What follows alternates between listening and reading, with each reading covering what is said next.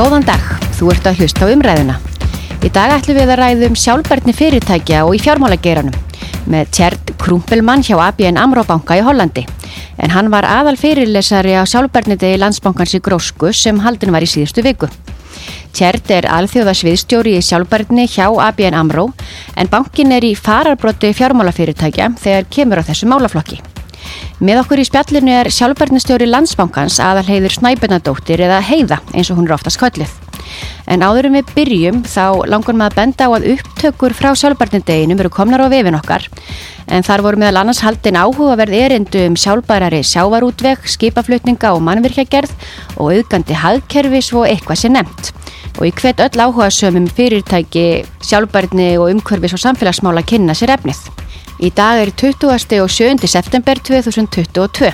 Landsbankin er fjármálafyrirtæki sem lítur eftirliti fjármálaftilitsins. Fyrirvara má finna á landsbankin.is umræðan hlaðvarp.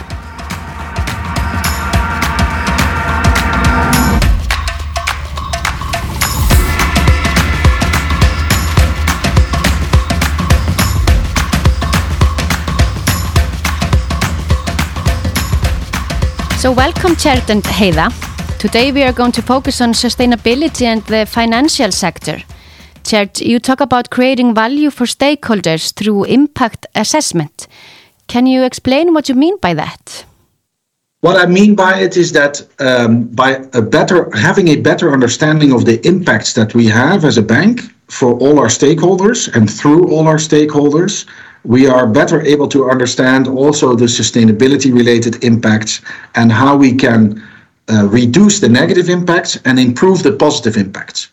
And to enable to do that and to create that value for your stakeholders, you need to do the assessment first. And how do you do that? And how can other companies learn from you? Yeah, it's for a financial institution like ABN AMRO, it's uh, quite challenging to do this because a lot of our impacts are through the financing or the investments that we do for our clients. Um, so you need to have a good understanding of where those investments or loans are going. And then we try to use uh, a framework, uh, the, the capital framework, which is uh, uh derived from the International uh, Reporting Council. And so the six capitals. And we try to assess per stakeholder the impact that we have per capital. And there's a lot of um, calculations and data behind it. Um, we use a framework called the Framework for Impact Statements to do these calculations. And what is interesting to know uh, for others that are that are maybe trying this journey or, or starting this journey is that all these frameworks are open source. So there's no secrets, there's no secret methodology. It's an open methodology that everybody can can read and can try to adopt uh, to the best of your ability. Uh, so the reference then is the framework for impact statements and the international integrated reporting framework um, with the six capital model. So do you think that your stakeholders are aware of the impact that you are having on them? And do you feel that they are reading these reports and taking to heart what it says in them? I'm not. I'm always optimistic that everybody is reading reading the reports that we make, but I'm not that um, uh, opti- Well, I'm not that sure that they all do. So, and and it's maybe not even intended for them. Our stakeholders do know, our clients, our uh, investors, our employees, and society does know that a bank like ABN AMRO um, it has a certain impact. Um, that is that is obvious to all, and what is expected from all these stakeholders is that a company does its best to uh, reduce those uh, mainly to reduce those negative impacts. And let's look at sustainability just as an example. So if we have if we invest in in, in fossil fuels or in, in clients that are that are polluting, then as a bank uh, we also have an effect on the environment through those activities. And I think what clients expect of us is to help them through that transition to become more sustainable. What our employees expect is that we do just that, that we help our clients. And what society expects of us is that that we do our best to reduce those those impacts. And this is becoming more and more an investor related topic as well. So uh, not only for sustainability investors, but also for climate risks and environmental risks. Uh, you see that this is becoming more and more uh, a topic. Um, so they won't all read our impact reports or our impact statements, but the um, the consequences or the, the idea behind it is very much valued by all stakeholders. Sounds good. During your talk last Thursday, we heard about that ABN AMRO has plenty of negative impact as well. And why do you feel comfortable publishing it instead of just assessing it and knowing it yourselves? That's a great question. So we are a big believer in transparency and in, in sharing this with the market um, and with, with our stakeholders. Um, it's also a, a way of getting feedback on not only the methodology but also the thinking behind it, saying um, this is how we view our impacts. Um, and as a bank, it should not be a surprise uh, and, and it's similar for other banks and financial actors, that a lot of the activities that we finance, whether it be corporate clients or uh, retail clients where we do a lot of mortgage lending, uh, at some point it has a negative effect uh, or a negative impact somewhere. So that's that's usually not a surprise. The reason for this transparency is that we invite others to learn from it uh, to give us feedback and to develop this this type of thinking and methodology together. And you cannot do that if you just keep it for yourself. Um, tell me, do you think it's important to have a separate sustainability strategy, or do you think it's more important to have the sustainability strategy integrated in the corporate strategy for a company, any company, in the financial sector or in, in any company? Yeah, so we we made this journey. We at ABN AMRO we used to have a separate sustainability strategy, and in 2018 we developed that into one corporate strategy with sustainability at its heart. Um, and I'm a big big fan of that one strategy approach. Uh, so I, it, it, for me, it's really, or for us, it's really helpful to have just one integrated strategy. But I'm also aware that for some companies that are maybe starting this journey of sustainability, uh, it could be uh, more effective to have a separate sustainability strategy to start. Um, that is fine. There's, there, I mean, there's no law against this as long as they take sustainability seriously. Uh, so if it's it, it can be a separate strategy, but it needs to be meaningful and it needs to be impactful and it needs to be taken seriously at the right levels within the company. As we've learned last week from from other speakers as well, and CEOs and and board members, uh, they take sustainability quite serious.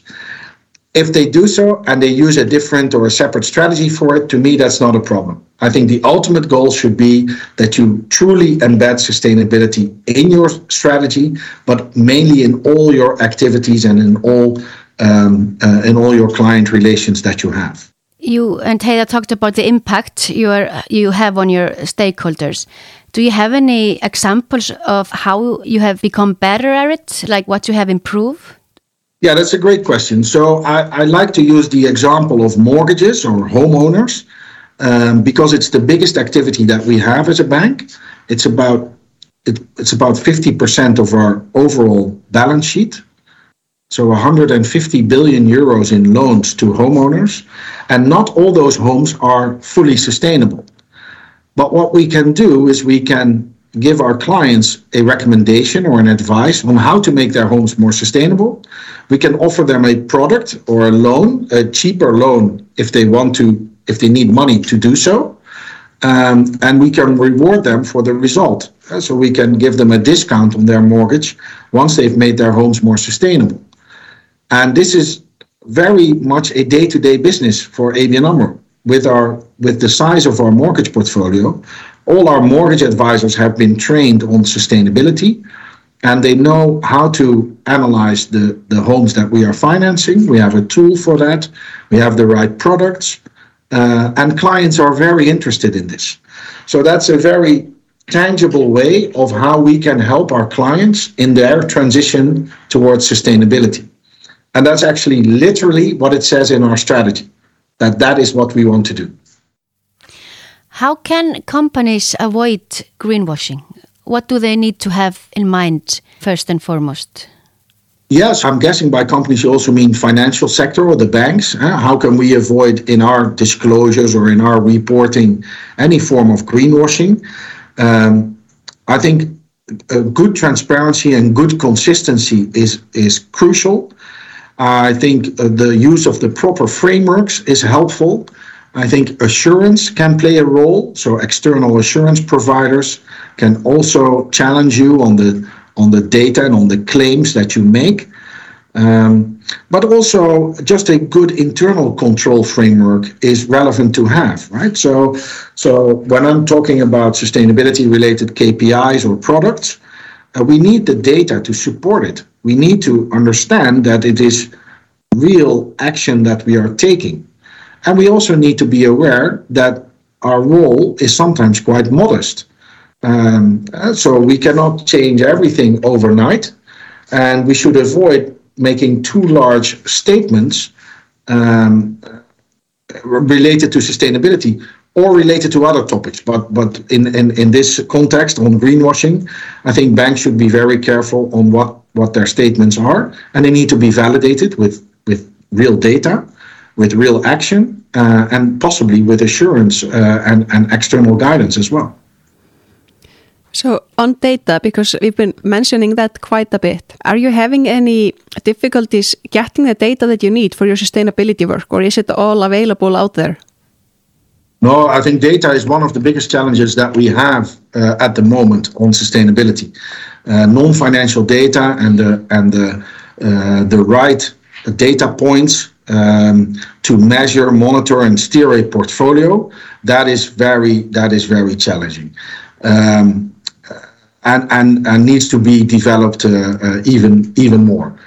Um, so, so, so data is a big challenge. It's a big topic for the future. Uh, it's a big topic at the moment, but a big topic at the future as well. Um, uh, and I think we, we cannot solve this just as sustainability people. Uh, this this is where we need the knowledge and the experience of people from risk teams and finance teams uh, they are much more experienced in data and in data gathering and in data quality. Um, so, so we need to work together on this. Do you see any development in the sustainability field on non-financial data becoming more important and therefore maybe more available? Uh, um, I see data becoming more available, um, but it's fair. It's well, it's not going as fast as I would have hoped, um, and it's not always uh, comparable data. It's not always data that we can use for steering. Uh, so I think we are doing quite well uh, on, let's say, data that can be used for reporting. Uh, like we collaborate on PCAF um, to get to comparable data on a sector level uh, between financial institutions to know what type of carbon we have on our balance sheet. I think that's those developments are great, and I'm very proud of, of what's been achieved so far. But we need more granular client related data to really steer our portfolio into a different direction. And, um, and that's, I think that's where a lot of work still needs to be done. Can you elaborate a little bit about PCAF for those who don't know what it is? Yes, uh, happy to. So, uh, PCAF is the Partnership for Carbon Accounting Financials. It was founded in 2016 or 2015 here in the Netherlands with, with just a few banks. Uh, and we thought we'd work on uh, getting to a, a methodology that, let's say, 10 or 20 banks could use um, in the Netherlands uh, uh just, to, just to make our carbon footprint, our scope 3 carbon footprint more comparable. And uh, we knew that this was challenging, and we knew that we would not get it right in uh, one go. But we thought if we worked together on it, we would at least, uh, and use the same methodology, we would at least achieve the fact that it could be comparable data. And actually, within one or two years, we had our first uh, methodology ready for mortgages and then for corporate loans. Uh, and since then, we've developed that into other sectors and parts of the balance sheet.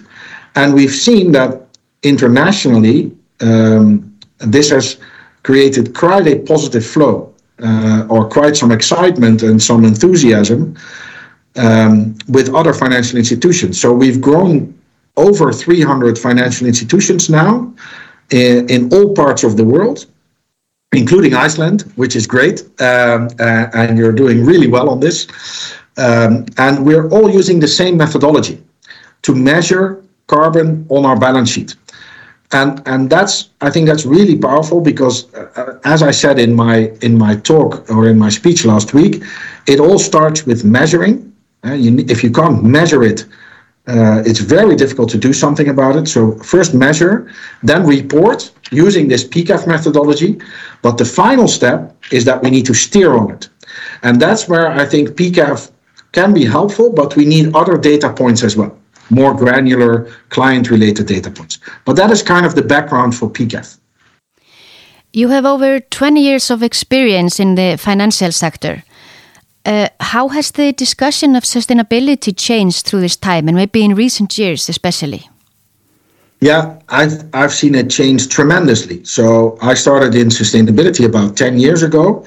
And back then, within the bank uh, or within the banking sector, it was very much related to our own footprint, to, to what we, we experts like to call scope one and two. Uh, so our own buildings, uh, what we do, um, uh, and how we can act more sustainably as a as a company. And very soon after, so I'd say 2014, 2015, um, uh, we and of course we were aware of this much earlier, but the the growth of sustainability towards our clients and the impact that we can have together with our clients grew a lot. And I've seen it now move into also a regulatory space and a risk space, um, and and moving into finance as well. So into our normal into annual disclosures and reporting. So we've seen it mature. I've seen it grow. Um, I've seen it also grow uh, from a board perspective. I thought that was a nice um, uh, part of the conference last week as well. Uh, the fact that you see so many board representatives being involved in the topic of sustainability.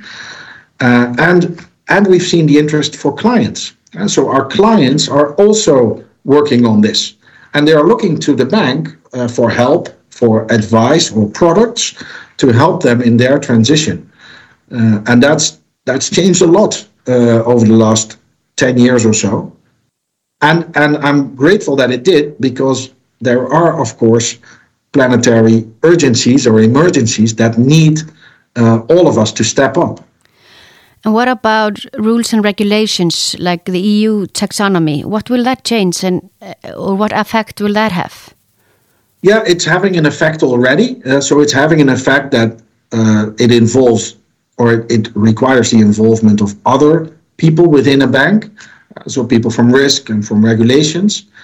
Uh, it's also a driver. It can also be a push for more sustainability uh, within banks or financial institutions. Um, and it's also a clear sign that we are, as a society, we are not moving fast enough on to become more sustainable. So my prediction will be that as long as we are not moving fast enough, you can expect more regulations. Uh, and and I think going forward in the next couple of years, we will see a lot more regulations, not only towards the financial sector but also towards our clients, um, to become more sustainable. Tjerd, do you think that in the coming decade, because now we have seen the change in the last decade, moving from just looking at our own scope one and two, and getting risk involved, getting finance involved, getting the regulations upon us. Do you think that in the next decade, perhaps we will stop talking about sustainable finance and just it will just become part of banking finance businesses? Well, let's let's say it is at least our dream, or it's a reasonable expectation that it needs to become a normal part of doing business. Um, I have no objection in calling it sustainable finance or sustainability or ESG. Um, or responsible business or normal business. I, am not um, opposed to any of those as long as it's clear that it needs to be about all the impacts that we have. So uh, if we all mean the same thing, that it's that it should be about our clients, that it should be about what we do ourselves, that it should be about helping this transition, then I think whatever word we put to it, it's all fine. And it's a bit related to what we discussed earlier on the strategy, uh, or having a sustainability strategy or a corporate strategy with sustainability. I also recognize that for some companies, they will be in different phases. It may help to call it sustainable finance or to call it sustainability or ESG um, before we just call it finance uh, for, for some. So, the, and, and, and that's fine for me. You talk about the difference between ESG and impact. What do you mean? It's a great question. It's a bit of a technical a dilemma or a technical difference, perhaps, but it is important. So ESG is is referencing to environmental, social, or governance related to a certain activity. So burning a fossil fuel in a in a in a in a car has an environmental footprint. It's it's carbon related, right? So it's CO2. But the impact um, uh, discussion is more what is the impact of too much CO2 uh, in terms of sea levels rising or climate change, and that's where you see kind of the development going from what some people call output, which is more sustainability or ESG related, and some people call impact. So what is the effect that uh, more CO2 has on us as people or on the planet. Uh, and that's where there is a big, well, there, there, there, it's a bit technical, as I mentioned in the beginning, but it's good to realize that there is a difference between reporting on your ESG footprint or your carbon footprint and discussing what the impact of that is on the planet and on people. Great. Any final questions, Heida, or final message from you, Tjerd? I really enjoyed the conference. Uh, uh, thank you again for inviting me uh, there and um, to share the story um, of ABN AMRO, but also to, to share a little bit of the broader picture uh, of sustainability in the financial sector. I'm impressed by what is going on within Iceland and with, with you uh, and your bank and your clients on sustainability as well. So it was great uh, to hear and see those stories. And I think um, uh, what we are doing well together is this collaborative space on sustainability. This is not a competition between banks. This is where we need to work together as we are doing, and we need to work together as banks, but also with our clients um, uh, to really give a big push on sustainability. And that's what I enjoy with our collaboration, and that's what I enjoyed at the conference last week as well. Thank you very much for coming to the podcast. Thank you, Tjerd. Thank you.